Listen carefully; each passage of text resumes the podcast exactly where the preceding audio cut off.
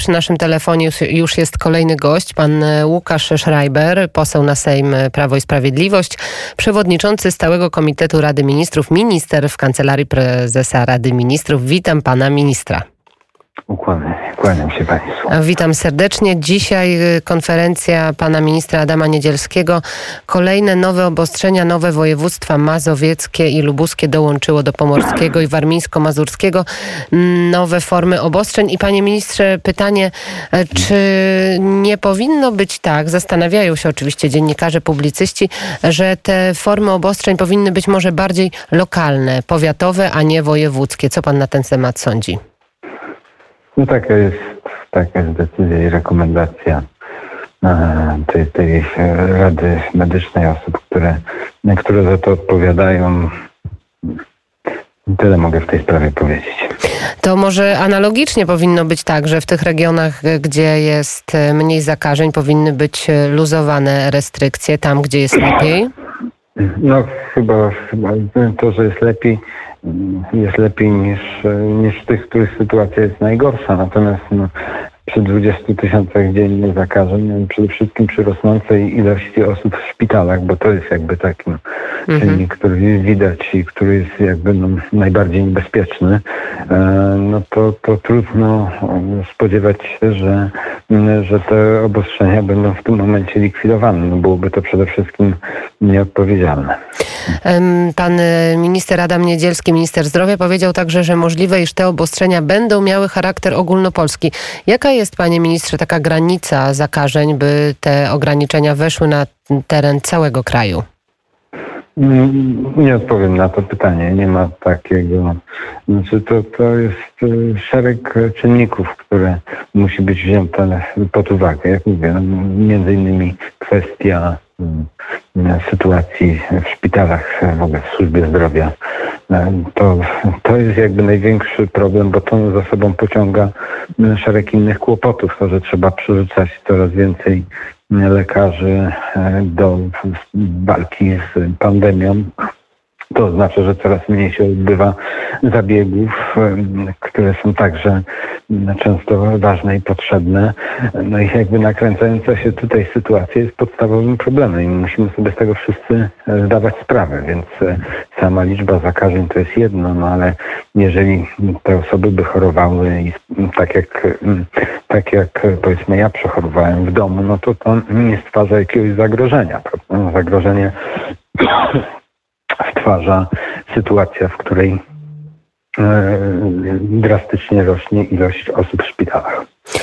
To oczywiście jest bardzo istotne i temu się e, przyglądamy. Powiedział Pan o tych e, zabiegach planowych, o tym, co jest bardzo istotne i bardzo ważne. To rozumiemy jest też w gestii lekarzy, to już jest zupełnie indywidualna, indywidualne zalecenie, jeżeli chodzi o te zabiegi.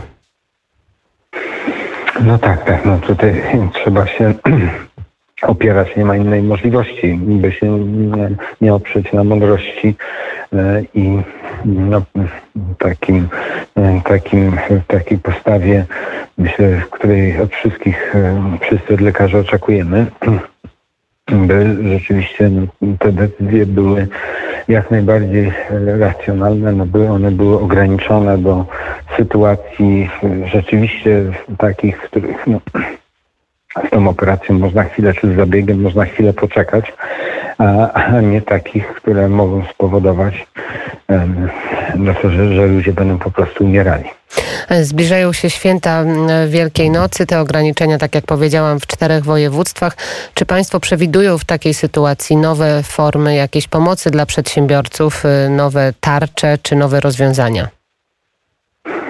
No będzie rozmowa y, na pewno na ten temat. Y, na tej chwili jest 200 miliardów złotych, które trafiło do przedsiębiorców na cały czas przecież w tym momencie jeszcze te rozwiązania obowiązują, które są w marcu. Także tu się nic nie zmienia. Można występować. Wszystkie te firmy, wszystkich tych branż, które są zamknięte, mogą się ubiegać o wsparcie. To, to są decyzje. Będziemy rozmawiać co do tego, co ma być powiedzmy od kwietnia, tak? Ale, ale jakby no, to, żeby nasi słuchacze mieli pełną jasność, to nie jest tak, że tutaj ludzie, ludzie mają zamykaną firmę i teraz nie mają żadnej możliwości nic zrobienia, a rząd się zastanawia. Nie. Do, do marca to wszystko obowiązuje do końca marca. Także, Bo to są takie decyzje, panie ministrze, z dnia na dzień, tak? To są decyzje o zamykaniu kolejnych branż w kolejnych województwach z dnia na dzień, więc y, ktoś, kto ma po prostu swoją firmę i swój biznes, na pewno jest bardzo zaskoczony i, i zdruzgotany pewnie taką informacją i chciałby no, ale, usłyszeć zapewnienie ale, ze strony rządu. Ale, ale y, no dobrze, zaraz chwileczkę, na kogo to w tym momencie dotyczy też powiedzmy. Um, placówki kulturalne. Hotele. Tak mówię, hotele w porządku e, i część, e, część sklepów w galeriach handlowych. Tak? E, także nic więcej, nic więcej nie mogę powiedzieć. Takie są, są zalecenia tej Rady, takie są decyzje. Jakby chętnie usłyszę alternatywny, doskonały program działania. No, nigdzie na świecie Takiego modelu jeszcze nie wypracowano. No wszyscy wiemy, że oczywiście ja to rozumiem, że dla przedsiębiorców sytuacja jest ciężka. No, Wie pani, ja zasadniczo a, mm, jakby odpowiadam za zupełnie inne sprawy. No, trudno mi jest, trudno mi jest stawiać się w roli no, mądrzejszego od mhm. osób, które zarządzają tą pandemią na co dzień nie od, od e, ekspertów medycznych, którzy nam bardzo mocno rekomendują takie rozwiązania, od lekarzy, od dyrektorów e, szpitali, od wojewodów, którzy widzą na co dzień w jakiej są sytuacji, bo jednocześnie oczywiście każdy oczekuje, żeby tych e, obostrzeń było jak najmniej, ale z drugiej strony każdy jest oburzony, kiedy to dotyka go osobiście, kiedy nie można znaleźć miejsca w szpitalu, Y, kiedy no, istnieją, istnieją sytuacje, w których ratownik się musi zastanowić, gdzie możemy przewieźć pacjenta, to, to rzecz jasna no, no, nasze oburzenie rośnie. No, nie ma takiej sytuacji, nie ma takiej możliwości, by jedno z drugim nie było powiązane, no bo przecież wszyscy widzimy, wszyscy widzimy dobrze, że jest. Więc staramy się, by te, te, e, ta sytuacja była dla wszystkich możliwie, możliwie jasna, możliwie czytelna. Wszyscy wiemy, jakich branż to może dotyczyć. E, wsparcie jest przygotowane. Na decyzje oczywiście bardzo trudne i nieprzyjemne muszą być podejmowane przez rząd, nawet kosztem nawet kosztem niezadowolenia społecznego, no ale jakby troska o zdrowie i życie ludzi musi stać na pierwszym miejscu i chyba nikt nie chciałby, by rząd podejmował takie decyzje pod wpływem no, większego zadowolenia czy, czy słupków poparcia, które na to wskazują. Panie ministrze, i debata, która się toczy nie tylko w Polsce, ale także w Unii Europejskiej i pewnie na całym świecie, to są te tak zwane paszporty szczepionkowe. To są te paszporty, które miałyby ewentualnie ułatwić nam podróżowanie. Jak pan się odnosi w ogóle do tego pomysłu? Panie redaktor, Zobaczymy, jak ten pomysł się mm, skrystalizuje w jakiejś e, konkretnej formie. Przyznam szczerze, że, że nie mam w tej chwili jeszcze stanowiska żadnego w tej sprawie. To jest debata, tak, która się toczy. A jakby pan w ogóle podsumował ten rok y, pandemii? Bo tak jak wspomniałam, 11 marca 2020 roku, to wtedy pandemia pojawiła się oficjalnie w stanowisku WHO. Jak pan by podsumował ten rok y, w, w Polsce, w, pol, w polskiej gospodarce, a także w zmianach, jakie zaszły w naszym środowisku, w naszym społeczeństwie? Pani, no każde takie podsumowanie będzie w paru zdaniach banałem. Mm-hmm. No, no, wszyscy wiemy, że, że no, sytuacja jest nieprawdopodobnie trudna pod wieloma względami. Jest trudna dla przedsiębiorców, e, zwłaszcza z tych branż dotkniętych, dotkniętych restrykcjami. Paradoksalnie czasem nawet bardziej dla tych, którzy są pośrednio dotknięci niż bezpośrednio. mm, bo, bo tutaj także łatwiej jest no, pewne rzeczy, może być łatwiej komuś przeoczyć jakby możliwość pomocy dla nich.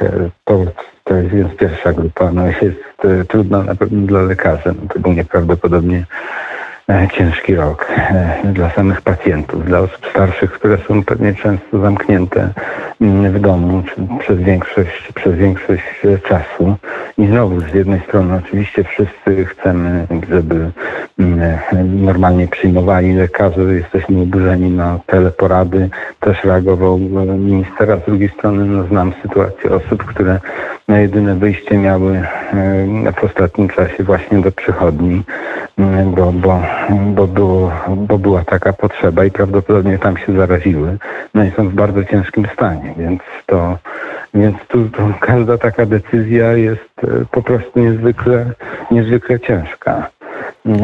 Jest to rok, rok, więc mówię, no trudny także i dla nich. Jest to dla uczniów, o czym często zapominamy, ale ale sytuacja. No, ale to już jeszcze tak, jeszcze wracając do to, uczniów. Dzisiaj podczas konferencji prasowej pan minister Adam Niedzielski powiedział, że nauczanie klas 1-3 będzie w systemie hybrydowym. Czy pan mógłby tak. doprecyzować tak. nam, co to znaczy ten hybrydowy system? No, czyli połowa, połowa zdalnie, połowa mm, z tych e, obecnych, z tych klas 1-3 e, na miejscu, to, to już będzie zależało od dyrektorów, w jaki sposób to chcą zrobić, czy na przykład e, część klas w jednym tygodniu posyłać do szkoły, część w drugim, czy, czy na mhm. zmianę w zależności od dni i tak dalej. Tak, to, już, to już muszą być decyzje.